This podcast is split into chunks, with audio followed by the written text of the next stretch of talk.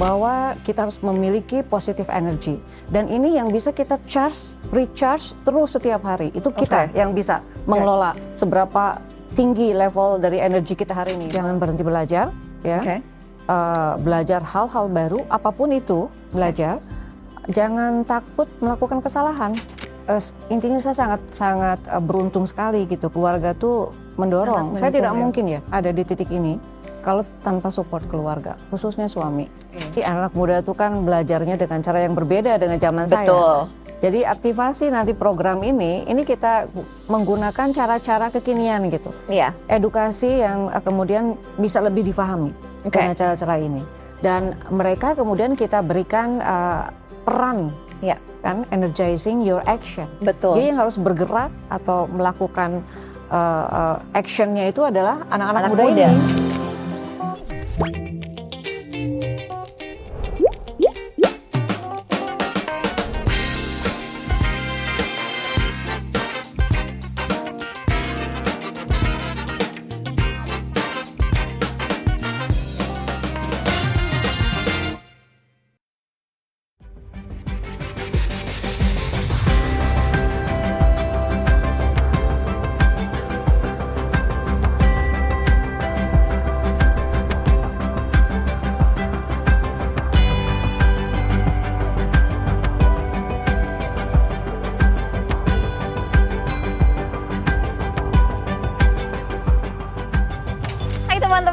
selamat datang di Ngobrol Sore Semaunya. Pastinya bersama aku Putri Tanjung. Episode kali ini super spesial teman-teman Karena Ngobrol Sore Semaunya hadir bersama Pertamina. Dan juga sekarang kita lagi syuting di kantornya secara langsung dan bintang tamu kita hari ini super spesial karena beliau adalah seorang perempuan hebat yang memimpin salah satu perusahaan energi terbesar di Indonesia. Beliau pernah masuk ke dalam daftar The World's 100 Most Powerful Women yaitu Ibu Nike Widiawati, Direktur Utama Pertamina. Jadi yuk kita ketemu dengan bintang tamu kita hari ini.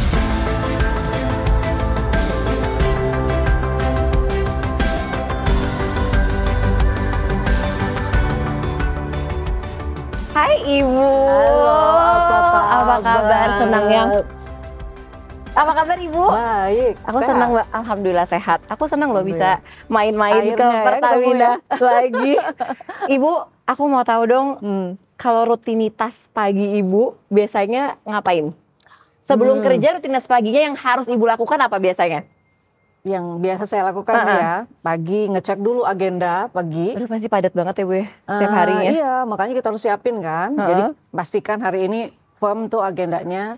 Terus kalau meetingnya nggak terlalu pagi, let's say saya masih ada waktu untuk treadmill sebentar, Oke. maksimum setengah jam Setengah gitu. jam. Habis gitu mandi, terus kantor. Itu penting ya Bu, treadmill setiap pagi tuh rutinitas yang penting, ya? Kalau ada waktu kita harus sempetin itu deh. Oke, jadi biasanya ibu treadmill, abis treadmill langsung ke sini, langsung lah ibu tuh padat ya dari pagi Iya, sampai malam ya bu. juga di luar sampai malam, ada eh, dinner meeting dan sebagainya. Jadi Bu, tapi kalau misalkan di tahun 2023 ini, Hmm. ada nggak bu momen yang paling berkesan? Iya, jadi 2023 ini kan setelah pandemi COVID lama, orang-orang tidak bisa mudik. Iya, jadi betul. baru tahun ini betul-betul pemerintah membuka untuk mudik. Jadi ada 123 juta orang Iya. yang mudik. Dan Luar itu peningkatannya luar biasa. Iya.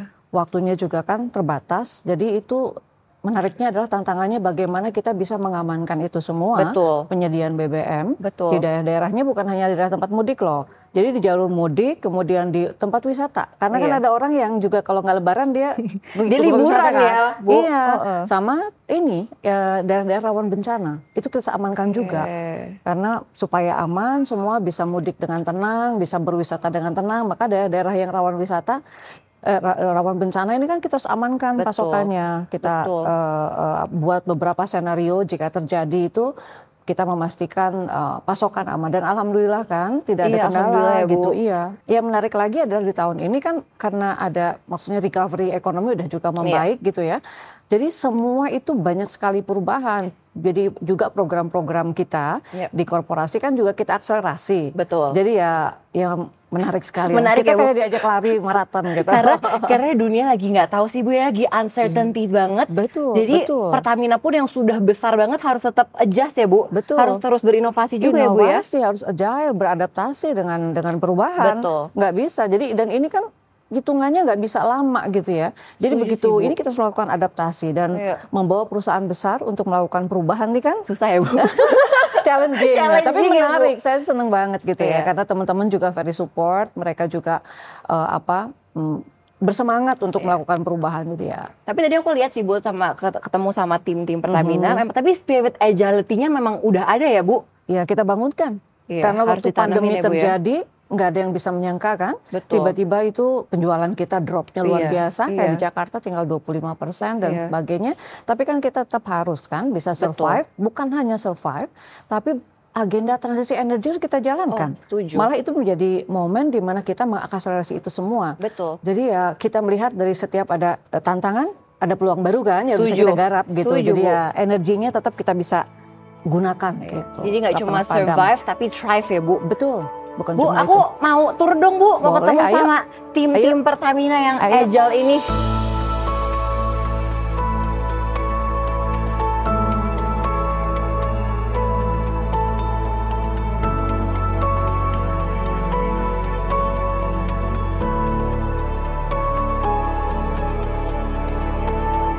Memang sebagian besar sekarang eh, pekerja kita ini adalah udah milenial. Oh ya Bu? Ya di atas 60 persen. Oh, udah 60% milenial? jadi itu yang membuat eh, kita menjadi optimis juga ya. Oh, Untuk melakukan banyak perubahan. Halo, apa kabar? Selamat sore. Ini lagi Serunya. pada Oh, ya, kelihatannya muda-muda sendiri-sendiri, tapi sebetulnya mereka menger- mengerjakan berbagai proyek gitu dan juga ada teamwork terjadi. Oke. Masih muda kan? Masih muda, Iya kan? makanya. Hmm, seneng. Kira lebih muda daripada aku deh. Bu, jadi tadi menarik banget. Jadi 60% itu milenial. 60 persen betul. Oh, wow. Bu, berarti working culture di Pertamina yang Ibu bangun sebagai leader seperti apa, Bu? Ya, kita kan ada core values ya sebagai BUMN Iya. kan ada core values akhlak gitu ya. Betul. Amanah, kemudian eh, apa namanya kompeten Iya. gitu, kemudian harmonis, loyal, adaptif, kolaboratif. Itu sebetulnya sudah merangkum semua core values yang Oke. ada. Nah, kalau tadi kaitannya dengan perubahan yang kayaknya ini kita nggak bisa predik karena apa yang Uncertainties terjadi. ya, Bu, ya. Nah, ini yang kita mengajak nih teman-teman semua tuh untuk selalu beradaptasi. Itu penting banget, Bu. Betul, penting banget. Dan Penting dalam uh, kondisi sekarang nggak bisa sendirian, harus kolaborasi gitu Betul. ya. Jadi uh, saya makanya sering juga mengajak turun ke bawah tuh ke unit, ke Iya. daerah, mengajak kita bicara, me- mengingatkan tentang apa yang kita hadapi sebetulnya dan Iya. bagaimana masing-masing mereka itu berperan di dalam proses perubahan ini. Iya. Juga sekaligus mendengar dan uh, kemudian kalau ada masukan kita diskusi Iya. karena itu penting ya yang nanti akan melanjutkan ini kan anak muda ini. Iya, Jadi kita harus ya, Bu. The memahami gitu ya. Iya. Iya. Bagaimana mungkin tujuannya sama tapi cara menjalankannya bisa Oh, berbeda beda kan anak muda.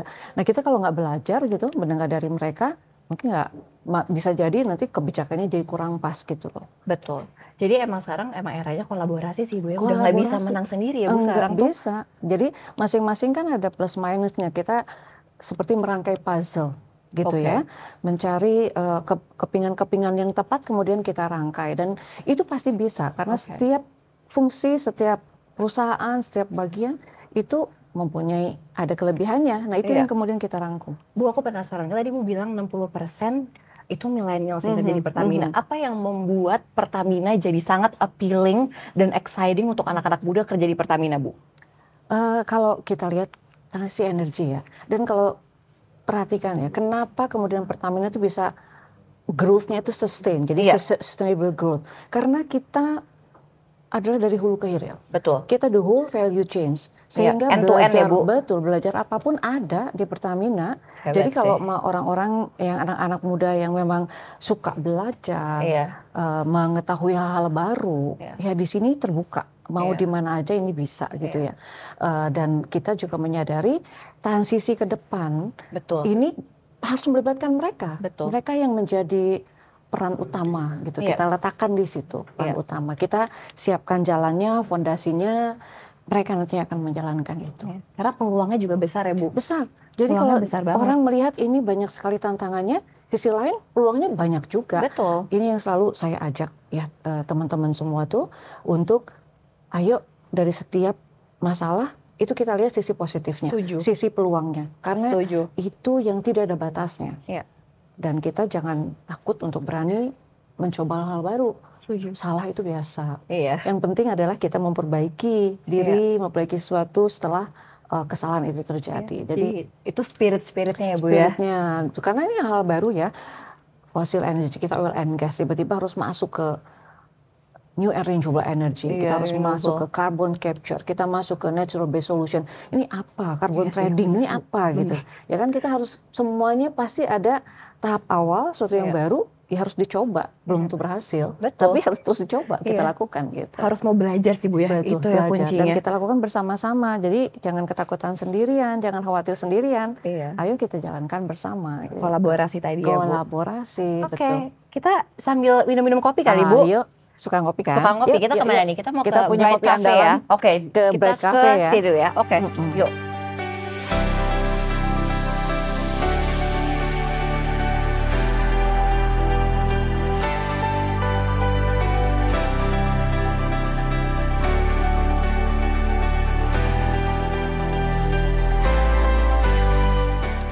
Seru juga ya Bu, ada coffee shopnya di Iya, Pertamina. iya. Kan buat ngopi-ngopi kayak gini. Bener. Iya. Ibu, kat, aku dari dengar katanya ibu minum kopi sehari bisa Lima- gelas, Iya. hampir kayak aku loh. Sama ya. Iya. Tapi kan itu bikin kita gimana Semangat ya, ya, Bu. fresh. Betul. Ibu biasa Dari kalau pagi, ngopi apa? Kopi favorit ibu biasanya apa pesanan ibu? black coffee, selalu black coffee. Oh selalu black selalu coffee ya? black coffee. Jadi ibu nggak pernah pakai susu? Kalau pakai susu rasanya jadi bukan kopi, Oh, apalagi pakai gula. Tapi aku setuju sih. Iya Emang kan? kopi itu jangan pakai kan? gula. Justru wanginya itu, rasanya itu. Bener. Hmm, itu jadi gitu. bikin semangat ya bu. Semangat. Saya so- bercanda sama teman-teman. Kenapa saya selalu uh, pesannya black coffee? Kenapa bu? Karena kalau kita minum kopi yang pahit, maka semuanya jadi terasa indah, terasa Betul, manis. betul. gitu. Betul bu. Jadi di pagi hari minumlah kopi yang pahit ya Kopi bu. yang pahit. Biar habis itu kayak jadinya manis semua. manis semua gitu. betul juga sih. Itu betul. Oke bu, sebelum kita ngobrol-ngobrol kita main game dulu bu. Oke. Jadi game ini seru-seruan aja. Jadi aku akan ngasih ibu pertanyaan, ibu tinggal melanjutkan, Mhm. tapi dengan cepat ya bu. Dengan jadi cepat, oke. jangan terlalu banyak berpikir Mhm. ibu. Oke, jadi apa yang langsung ada di otak ibu langsung dikeluarkan. Oke, Oke, oke. siap bu? Siap. Ketika bangun pagi, hal apa yang langsung saya pikirkan? Saya pikirkan tentang agenda hari ini. Jadi yang pertama bangun yang saya ambil tuh adalah handphone, Handphone, buka jadwal ya bu. jadwal. Iya. ibu biasanya kalau jadwal gitu, ibu dari hari sebelumnya udah ngecek atau paginya bisa berubah tuh bu? Eh, dari sehari sebelumnya kita biasanya saya minta dalam seminggu sesuai agenda besar apa dulu. Oke. Terus biasanya ada adjustment kan. Tapi Iya. untuk make sure pagi-pagi itu kita pastikan lagi. Pasti cek dulu ya bu. Oke. Sarapan terbaik menurut saya adalah Air putih. oh, air Ini putih. saya tuh lagi lagi eh, apa mencoba intermittent fasting ceritanya walaupun sering bocor ya. berapa jam tuh? Ibu intermittennya berapa jam? Eh, se- terakhir makan jam setengah delapan malam. Oke. Nanti makan lagi jam 12. 12 siang. Iya. Aku Oke nggak kuat sih. Aku nggak bisa sih bu. Aku harus banget Tapi makan enak. malam. Oh, makan malam. Iya. Dipercepat makan Dipercepat malam. ya. Oke, aku coba deh. Ibu minum air putih berarti segala sehari bisa Banyak 2 sih. liter, 3 liter gitu ya. Sih. Karena kan jadinya kalau kadang-kadang kita nggak bisa membedakan antara lapar dan haus kan. Bener sih. Jadi kalau berasa lapar minum air putih oh selesai gitu. Makanya ibu awet muda. Tapi kalau keluar kota ya bocor juga sih intermittent fastingnya. Karena Pasti. makanannya enak-enak ya. enak-enak, Apalagi iya. sarapan pakai lokal eh, menu gitu enak banget. Oke bu, hal yang saya paling cintai dari pekerjaan saya adalah Nah, mengabdi kepada negeri. Jadi bukan hanya sekedar bekerja. ya. Kalau kerja di BUMN tuh gitu, Ya. dunia akhirat. Karena yang kita kerjakan adalah ini memberikan manfaat yang besar untuk masyarakat banyak. Jadi pengabdian yang memberikan manfaat untuk orang banyak. Ya. Itu Jadi impact dan kontribusinya. Betul. se-Indonesia beda, soalnya bu. beda banget pokoknya. Membuat kepuasannya tuh beda gitu. Iya bener sih bu, kepuasannya beda ya. Iya, beda. Soalnya kalau udah berkontribusi tuh pasti emang rasanya nggak bisa dijelasin ya bu. Iya, betul. Itu bikin semangat juga ya bu ya. Mhm, mhm. Oke. Masakan yang sering saya buat di rumah adalah Walaupun Ibu jarang. masak nggak? Enggak. tapi Sama dong kita. tapi kalau di rumah saya bikin apa eh, kayak healthy bowl gitu ya. eh, Oke, smoothie bowl ya? Ya, buah-buahan apa di blender saya campur dengan beberapa nuts gitu. Oh, Oke, enak. menyenangkan. Mhm. Oke. Hal terakhir yang saya lakukan sebelum tidur adalah Hmm. Mau buka iPad. Oke. Iya, masih kerjaan ya, Masih sebelum kerjaan ya, Bu, ya? kerjaan ya. Tapi ya itu Mimpinya juga kerjaan nggak Bu? ya itu ngecek semua ya karena ada beberapa yang perlu direview, ada Oke. beberapa yang perlu jawab. Itu sebelum tidur itu. Biasa tidur berapa jam Bu sehari? Saya tidur biasa lewat tengah malam. Nanti setengah lima bangun. Gitu. Oh bentar do doang Bu berarti. Tapi kan berkualitas. Oke. Oh, yang penting itu ya Bu. Iya, yang penting adalah iya. kualitasnya ya. Betul. Bukan Nanti kalau durasinya kebanyakan ya. tidur juga bangun tidurnya pusing. Pusing. Betul sih. Betul juga sih Bu. Nasihat terbaik yang pernah orang berikan kepada saya adalah Eh, lakukan sesuatu tuh mulai dari diri sendiri. Oke. Even itu hal kecil dan lakukan sekarang. Nggak, jangan menunda. Sesuatu yang menurut kita baik, lakukan saja. Oke, itu pengingat yang bagus. Momen me time yang biasa saya lakukan adalah, Ibu bi- biasanya ada me time nggak? Ya kalau eh, saya lebih suka diam di rumah ya, Eh, nonton, baca. Lebih suka ya udah sendiri di rumah, di kamar. Gitu ya, karena setiap hari udah sama orang banyak ya Bu. Ya, Jadi kalau ada waktu Jadi sendiri, berdialog dengan diri sendiri gitu. ya itu penting sih Bu. Yang Saya merasa hidup pada saat melihat orang lain bahagia. hal yang saya syukuri hari ini adalah Sehat dan dikelilingi orang-orang baik. Terakhir Bu, menurut Ah. saya kebahagiaan adalah ketika kita memberikan manfaat untuk orang banyak. Dan kita kemudian bersyukur dengan apa yang kita miliki hari ini, ya, tidak eh, tersandera dengan masa lalu dan tidak terbebani dengan masa depan. Itu kita merasakan bahagia hari ini. jadi fokusnya di hari ini ya Bu. Hari ini. Jadi being present is very Being present. important ya Bu. Iya. Karena kita tersandera masa lalu untuk apa? Iya Kemudian eh, kita juga terbebani itu khawatir dengan masa depan. Belum yang terjadi pasti. juga ya Bu. Iya, gitu. Lebih baik ya kita gunakan hari ini dengan rasa syukur dan bahagia. Bu, tapi kuncinya untuk bisa seperti itu ada di state seperti ibu sekarang gimana ya caranya? Karena setiap hari aku masih terbebani dengan masa depan dan, dan mengingat masa lalu. Ya kita ini aja syukuri dengan apa yang sudah kita perjalanan tidak mudah. Iya. Tapi kan kita bisa juga melihat banyak sekali achievement Iya. yang sudah kita lakukan. Nah syukuri itu. Jadi kita ada optimisme. Ke depan jalan nggak mudah, mungkin lebih sulit. Tetapi dengan apa yang sudah kita capai selama ini, itu adalah modal yang kuat. Kita Setuju. pasti bisa kok melewatinya. Jadi ya intinya harus ini kali Bu ya menikmati prosesnya juga ya Bu. Prosesnya dinikmati, karena proses itulah yang membuat kita jadi kuat. kan? Betul. Tapi aku juga pingin tahu nih Bu, perjalanannya Ibu bisa sampai akhirnya di titik sekarang. Kalau Hmm. misalkan Ibu bisa ceritain dengan singkat, Hmm. saya gimana sih Bu perjalanannya bisa sa- sampai seperti Ibu sekarang? Iya, ini adalah proses eh, membuat saya ini adalah untuk temanya adalah tentang kemandirian. Oke. Dimulai dengan mandiri diri Diri sendiri, sendiri. gitu ya. Eh, ya saya kuliah, hidup sendiri. Sedang kuliah saya juga bekerja Oke. karena saya mulai ingin mandiri kan. Oke. Kemudian setelah bekerja, saya juga mencari eh, bidang yang mendorong kemandirian nasional. Oke. Iya, karena saya dari teknik industri, jadi saya melihat Oh, dari industri, industri. betul, industri dalam negeri kita kan belum mandiri, Iya. masih tergantung gitu ya. Iya. Dan kalau kita lihat lagi apa sih road course-nya? Karena juga mengenai eh, kemampuan dari engineering. Oke. Makanya kenapa kemudian saya masuk di situ Oke. awal itu. Kemampuan me- mengengineering, mendesain, membuat sesuatu, melakukan inovasi, Hmm. tek- develop teknologi itu yang kemudian bisa membuat industri ini mandiri. Jadi mulai dari situ masuk lagi saya pindah ke perusahaan yang berikutnya itu adalah kemandirian dari sisi energi. Oke. Jadi ini selalu tentang kemandirian. Oke. Menarik Bu. Jadi itu juga buat Ibu tertarik ya masuk ke industri ini berarti ya? Betul, karena di industri mana pun kita masuk kalau kita ada satu yang kita pegang adalah kemandirian de- Indonesia, Menarik. banyak yang bisa kita garap sebetulnya karena potensinya kan besar. Betul. Opportunity-nya luas ya Bu. Sangat, sangat gitu. Bu, tapi aku penasaran, masuk di industri energi pada saat Ibu dulu Mhm. dan sekarang perubahan terbesarnya apa sih Bu? Transisi energi ya. Jadi Transisi global energi, ya, energy Bu. transition ini yang merubah semuanya. Oke. Berubah semuanya. Kalau dulu kan kita melihat seperti Pertamina gitu ya, perusahaan oil and gas besar. Iya. Oke, kayaknya tidur aja mengalir gitu Betul. ya uangnya gitu ya. betul betul. kita bor keluar gitu minyaknya dan Iya. gasnya gitu.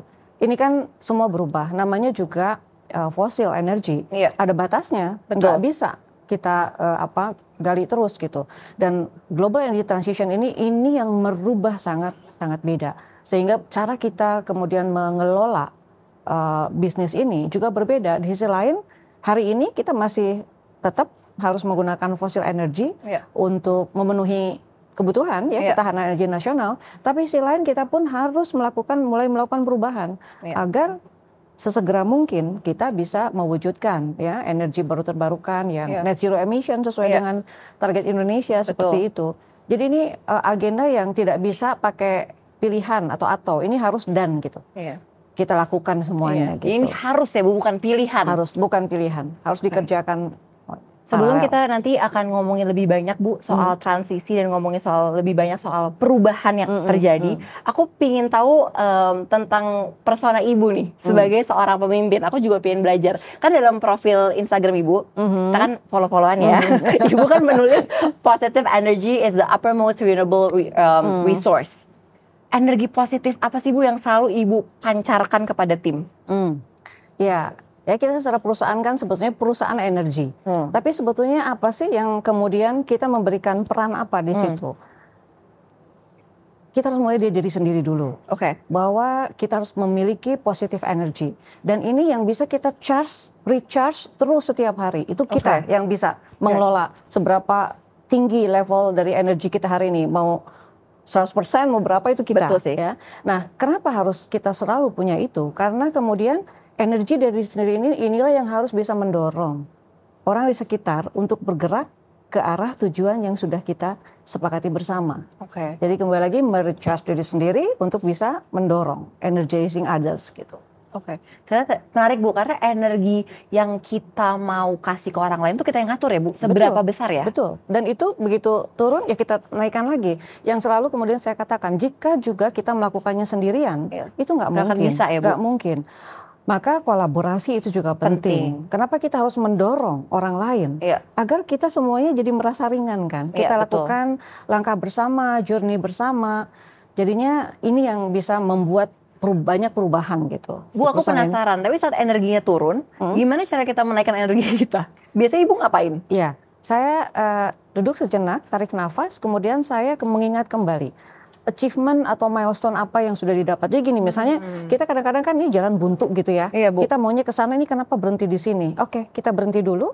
Kemudian kita lihat ke belakang apa yang eh, milestone-milestone kecil-kecil apa pun dan kita syukuri. Oke. Kita syukuri itu, kemudian kita ucapkan terima kasih kepada diri sendiri dan kepada tim, itu kan udah naik lagi tuh. Rasa syukur itu luar biasa loh, langsung set naik gitu Iya. loh. Betul sih Bu. Jadi mengingat rasa syukur itu ya Bu ya, yang Iya. bikin energi jadi naik lagi ya. Betul, karena kita menjadi happy kan, kita merasa diberkahi gitu. Apalagi kalau lihat orang-orang sekitarnya kan saling support, Betul. itu jadinya luar biasa dampaknya. Setuju sih Bu. Dan emang kalau kita surround ourselves with positive energy, itu pun juga jadi pasti kita juga energi Balik jadi naik ya Bu kita. ya. Iya.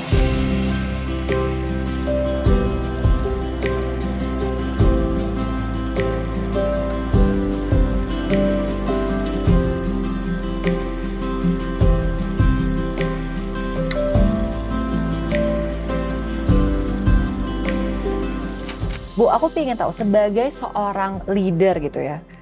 Aku pengen tahu leadership style ibu tuh seperti apa sih bu? Apalagi dengan tadi mengingat kari- eh, banyak banget karyawan dan timnya anak-anak muda gitu. Iya, Apakah dulu sama sekarang agak beda nih bu leadership style ibu gitu? Atau apa core em, style ibu seperti apa sebagai leader? Ya, saya kan ibu-ibu ya, jadi saya mencoba menjadi leader untuk di organisasi, Iya. pemimpin di organisasi, tapi juga sekaligus menjadi seorang ibu Nah itu penting bagi tim jajaran saya. Itu itu penting gitu Ya. ya, karena kita mengelola perusahaan nih, mengelola organisasi. Sebetulnya kita mengelola orang gitu. Setuju. Sama seperti di rumah. Anak kita gitu bisa berbeda-beda kan. Iya. Kita nggak bisa mentreat mereka itu Sama, sama. betul. Ya sama. Jadi ya kita harus memahami itu. Memang tidak mudah, tetapi kan prosesnya sama ya seperti anak-anak juga coba memahami ibunya kali ya. Lebih sulit kali ini ibunya sulit banget gitu ya. Ya kita sama-sama ada proses untuk saling memahami itu gitu. Oke. Dan seorang ibu, anaknya senakal apa pun, pasti selalu memaafkan. Hmm. Mencoba mengerti, mencoba mendekat kembali agar kemudian bisa berkomunikasi. Nah dengan seperti itu, maka ya itu yang dilakukan gitu. Jadi sebenarnya leadership itu kuncinya adalah people management ya Bu ya? People management dan bagaimana kita memposisikan setiap orang ini berbeda. Jangan kemudian kita berharap sama, semuanya semua. sama.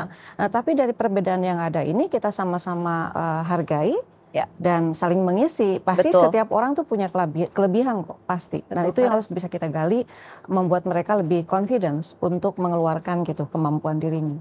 Ya, kadang perbedaan itu justru yang membuat jadi luar biasa ya Bu. Betul, betul gitu. Oke Bu, tadi ngomongin soal sebagai leader uh, ibu juga menjadi sosok ibu hmm. di Pertamina hmm, gitu ya. Hmm, Tapi aku pengen tahu kalau sosok ibu di rumah itu apa nih yang membedakan ketika ibu nikah di kantor dan di eh. rumah apa yang paling beda? Ya beda banget. Beda di, banget ya, Bu. Di rumah, rumah kan uh, pemimpinnya kan suami ya. Iya. Jadi saya jadi makmum. Ya, okay. ya kita posisikan sebagai seperti itu dan apa yang harus dilakukan gitu ya beres-beres, setrika baju sendiri, kemudian Oh itu uh, masih ya Bu? Masih sampai sekarang. Iya. Sikat kamar mandi masih saya lakukan. Wow. Iya, ya supaya kita masih ingat kita iya, ini rumah sih, tangga. Bu. Bu, tapi kalau kayak gitu bagaimana peran keluarga terutama um, suami ibu hmm. dalam mendukung karir ibu? Iya, sangat luar biasa. Ya, jadi peran yang pertama adalah ibu saya ya. Okay. Kan seorang ibu melepas anaknya gitu kuliah sendirian, kerja keluar kota, keluar negeri ke mana-mana, itu, itu luar biasa sih, kan iya. gitu. Dan itu itu yang saya syukuri dan beliau ini selalu kan mensupport ya. Dulu tuh waktu lagi sekolah nih kalau ujian tuh beliau ini puasa gitu. Yeah. Kalau saya mau apa tuh puasa itu membantu. Nah yang kedua saya alhamdulillah banget bersyukur dapat suami yang mensupport mau memahami jarang kan? Iya, itu jarang sih, jarang di rumah benar gitu ya. Makanya jadi harus bersyukur nih. bersyukur Bu. banget. Jadi saya tuh ya alhamdulillah deh suami selalu mensupport dan ketika kemudian saya uh, tidak ada sedang keluar anak-anak misalnya bagi raport apa ya udah gantian gitu. Mau melakukan itu. Okay. Itu alhamdulillah. Dan anak pun juga sangat memahami ya. Ya ada ada plus minusnya ya, tapi uh, intinya saya sangat sangat uh, beruntung sekali gitu. Keluarga tuh mendorong. Saya tidak ya. mungkin ya ada di titik ini kalau tanpa support keluarga, khususnya suami. Iya, karena itu paling penting ya Bu sebenarnya. Sangat sangat penting gitu. Jadi kalau di rumah ya juga sebenarnya ya ada partnershipnya ya Bu. Ada, sama. Itu sama iya. seperti halnya juga di di ini masing-masing ada tugasnya. Betul. Tapi ketika yang satu tidak bisa ya kita menggantikan. Betul. Compromise gitu ya. ya Bu. Ada itu. Oke, tadi kita udah ngomongin soal rumah. Sekarang kita balik lagi Bu yeah. soal Ibu sebagai pemimpin mm. di Pertamina. Tadi kita udah ngomongin banyak soal uh, sustainability, mm. apalagi sekarang juga um, ESG dan segala macamnya lagi sangat-sangat mm. diomongin banget gitu ya okay. Bu ya. Apalagi perusahaan di mana bisnisnya adalah uh, pengelolaan sumber daya mm-hmm. alam gitu. Apa makna sustainability bagi Ibu dan kenapa sih sebenarnya isu ini tuh sangat penting Bu? Iya. Jadi kita kan selalu mengatakan bahwa dunia ini bukan milik kita, ya. tapi ini adalah yang dititipkan untuk kita wariskan ke generasi berikutnya. Jadi ya sustainability adalah bagaimana kemudian kita bisa mengelola ya. semua sumber daya yang ada hari ini kita gunakan tanpa mengorbankan ya kepentingan untuk kehidupan generasi muda mendatang. Ke depannya ya. Malah harus lebih baik lagi karena Betul. kita bicaranya ini bukan uh, puluhan tahun, ratusan tahun, yang maunya seterusnya ada. Oleh karena itu ya kita harus kemudian dari sekarang siapkan agar anak-anak muda ke depan itu tetap bisa menikmati ya sumber daya yang ada. Betul. Dan itu harus sustain, berkelanjutan Betul. gitu. Betul. Jadi mengelola dengan efektif dan efisien ya Bu pastinya. Betul. Dan itu harus mulai dari sekarang, tidak bisa ditunda dan harus melibatkan semua orang, semua pihak, seluruh masyarakat. Semua sektor juga harus, ya Bu. Harus, harus ini. Berarti bagaimana nih Bu, Pertamina mengambil peran ini untuk memaksimalkan um, tadi Bu? Iya. Uh, Pertamina oil gas company, orang mengatakan ini penghasil karbon emisi. Jadi kita memang harus lebih lagi effortnya Betul. untuk ini kan. Betul. Karena kalau kita bicara sekarang, kita bicara tentang oh dari fossil energy ke new renewable energy. Iya, Actually yang harus kita buat, yang harus kita wujudkan adalah sustainable energy yang harus Betul. kita provide gitu. Iya. Artinya apa? Yang memang kita miliki, Indonesia miliki hmm. gitu. Sehingga yang sekarang eh, Pertamina dorong adalah bagaimana kita mengoptimalkan sumber daya alam yang dimiliki Indonesia untuk sebagai sumber energi ya. yang bisa sustainable ya. gitu. Jadi transisi energi bagi Indonesia bukan hanya sekedar mengurangi emisi, tetapi juga bisa mewujudkan kemandirian energi. Sehingga Iya. kita tidak perlu import. Betul. Masing-masing daerah bisa menggunakan energi yang ada di daerahnya masing-masing. Oleh karena itu Pertamina yang pertama karena tadi eh, kita juga harus tetap menjalankan bisnis yang sekarang sampai nanti ada waktunya ada roadmapnya kan Iya. bagaimana fosil energi akan tergantikan dengan new and renewable energy. Walaupun Pertamina masih menjalankan bisnis ini, tapi yang kita lakukan adalah mengurangi emisinya dengan Iya. program dekarbonisasi. Oke. Itu satu. Yang kedua adalah kita mengembangkan bisnis-bisnis baru berbasis sumber daya alam yang Iya. ada bioenergi.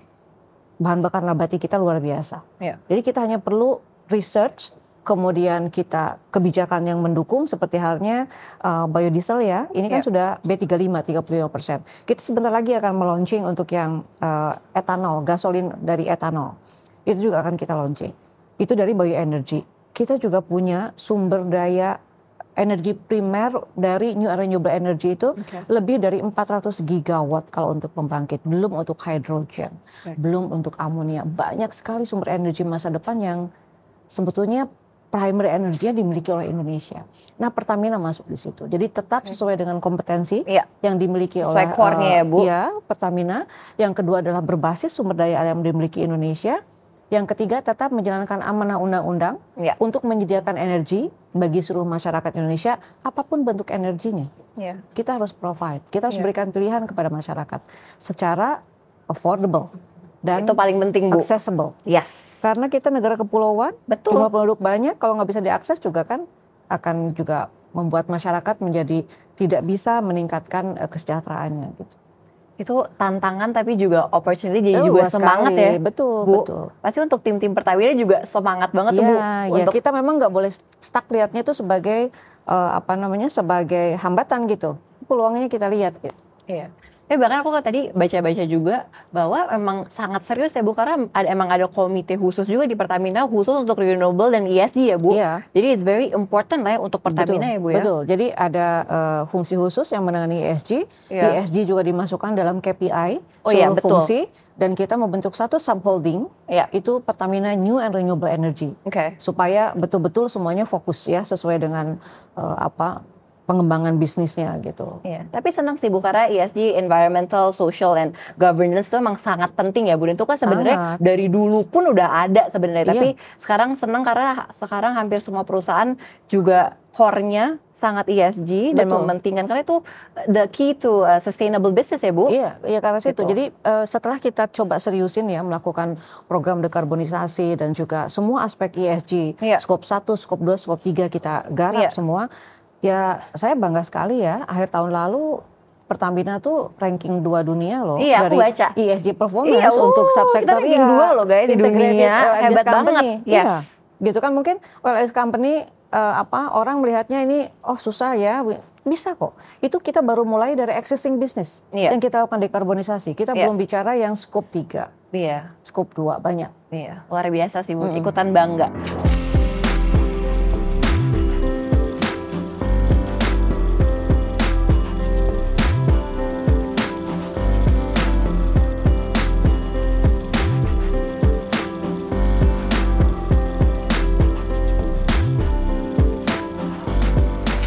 Kita ngomongin lagi soal fenomena sekarang ya Bu. Mhm, Kan anak muda ini semakin antusias ya dalam berpindah nih Bu dari Mhm. uh, mobil berbahan bakar bensin Mhm, ke kendaraan dengan bahan bakar listrik gitu. Bagaimana Pertamina merespon fenomena ini Bu? Hmm, hmm.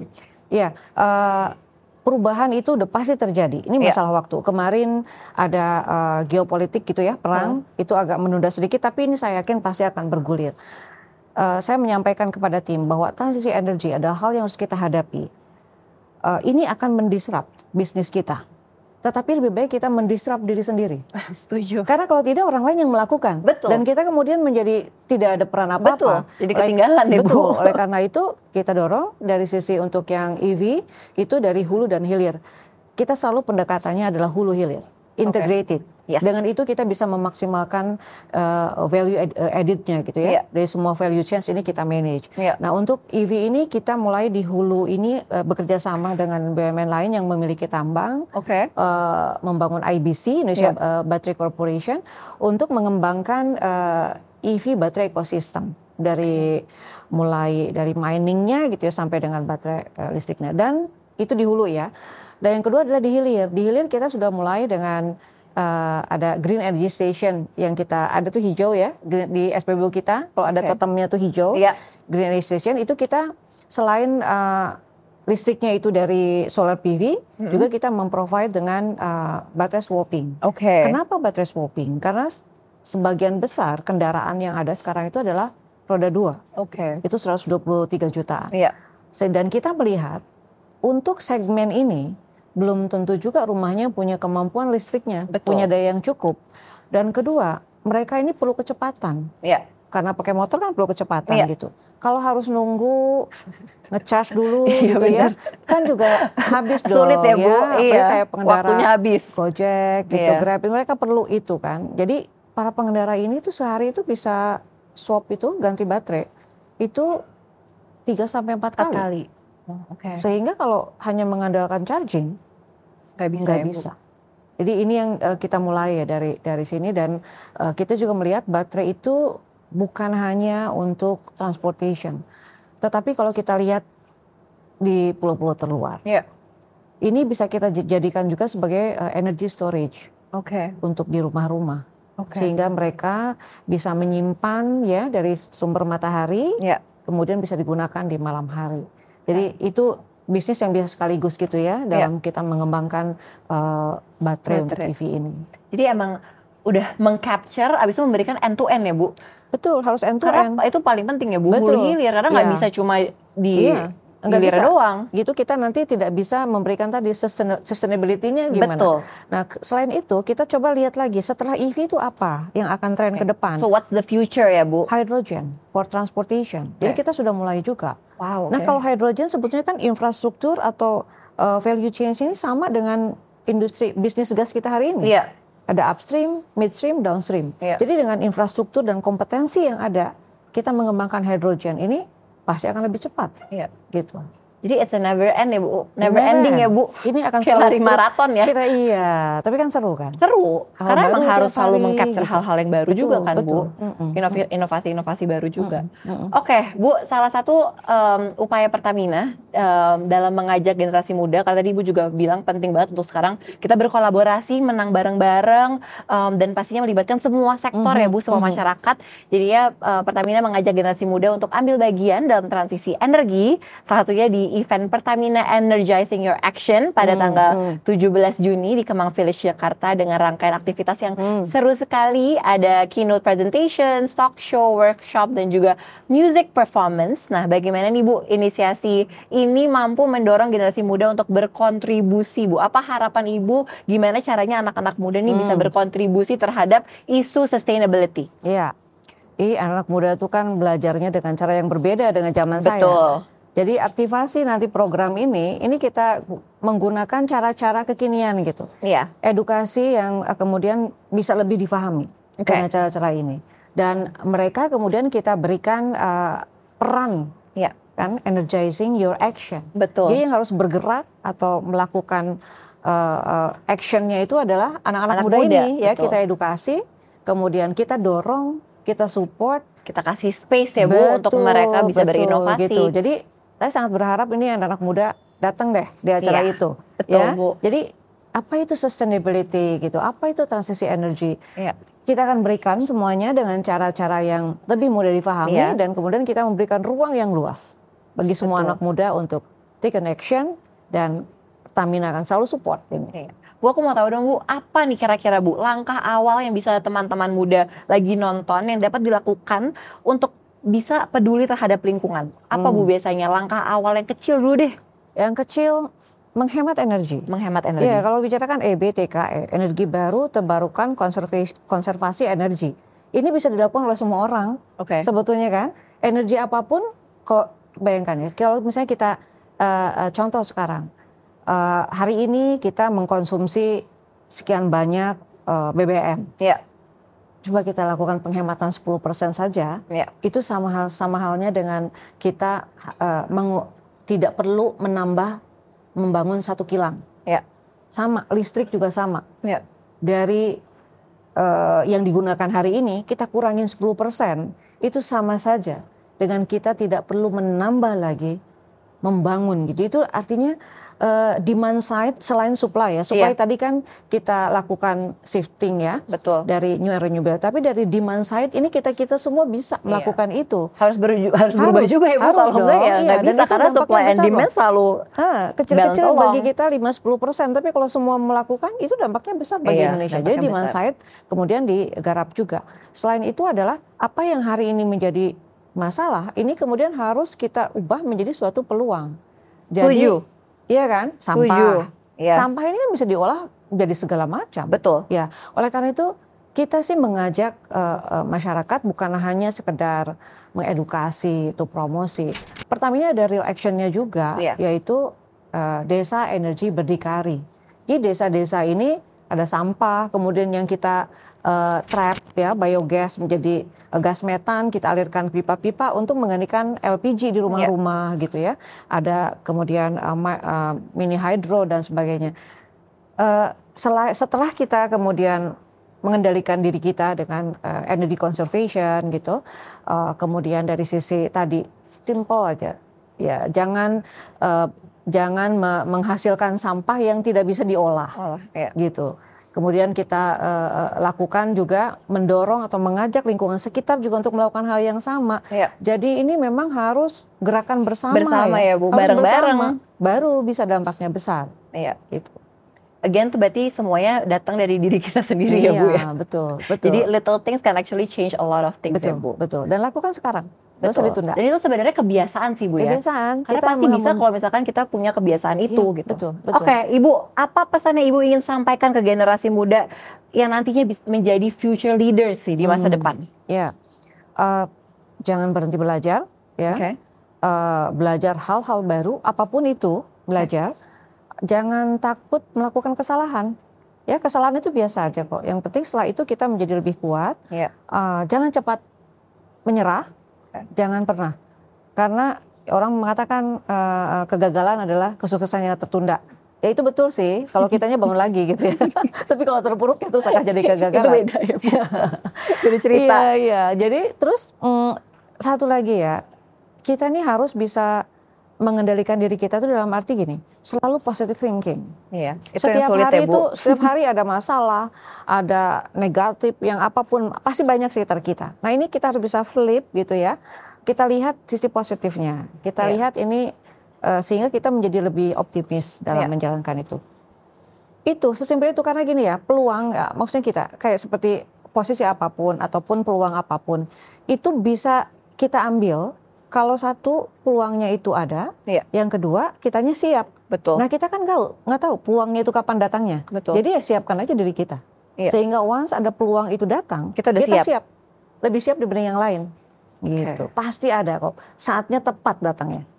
Betul. Mhm. Karena semua orang punya timeline masing-masing ya Bu. Pasti. Jadi kita gitu. harus get ready aja. get ready. Jadi dan kita yakin kok semuanya nggak ada yang kebetulan. Saya sangat yakin itu. Jadi semua itu sudah ada digariskan Iya. dan Allah tuh melihat upaya kita apa, effort kita apa. Oh ini sudah siap gitu ya. Betul. Pasti diberikan jalannya, Iya. dimudahkan. Jadi jangan lupa juga tetap harus kerja keras ya Bu. Tetap harus, Harus. ada effortnya ya. Karena nggak datang dengan sendirinya kan Nggak ada. opportunity. Opportunity datang kalau kita nggak siap nggak bisa kita tangkap juga. Betul, setuju. Oke Ibu, terakhir, pertanyaan terakhir. Hmm. Kalau mis ini kan obrolan kita akan stay forever ya Bu di Oke. YouTube dan di platform Ya, social ya, media. Kalau Ibu iseng nih lima tahun lagi nonton obrolan kita hari ini, Hmm. apa yang Ibu Nika ingin sampaikan ke Ibu di lima Ah. tahun mendatang yang sedang menonton? Oke, saya ingin mengucapkan terima kasih dulu nih ke badan saya yang setiap hari digunakan untuk bekerja, tapi eh, ya insya Allah sampai dengan lima tahun ke depan juga masih sehat. Saya janji nih akan saya jaga supaya sehat gitu ya. Amin. Eh, kemudian eh, saya juga ingin menyemangati dan eh, diri bahwa teruslah berbuat baik, memberikan manfaat bagi orang banyak. Ya. Sebagai apa pun kita Ya. ya tidak tidak harus memegang posisi ini itu tapi sebagai apa pun ya lakukan hal Yang yang, terbaik bisa ya, Bu. kita lakukan yang terbaik dan eh, saya ingin lima tahun ke depan tuh saya kemudian juga berterima kasih dan bersyukur dengan kesehatan yang saya dan keluarga saya insya Allah semua masih berkumpul lima tahun ke depan Amin. Eh, suami anak-anak ibu saya keluarga saya itu sehat semua dan anak-anak juga sudah mulai mandiri menapaki uh, journey-nya sendiri secara baik.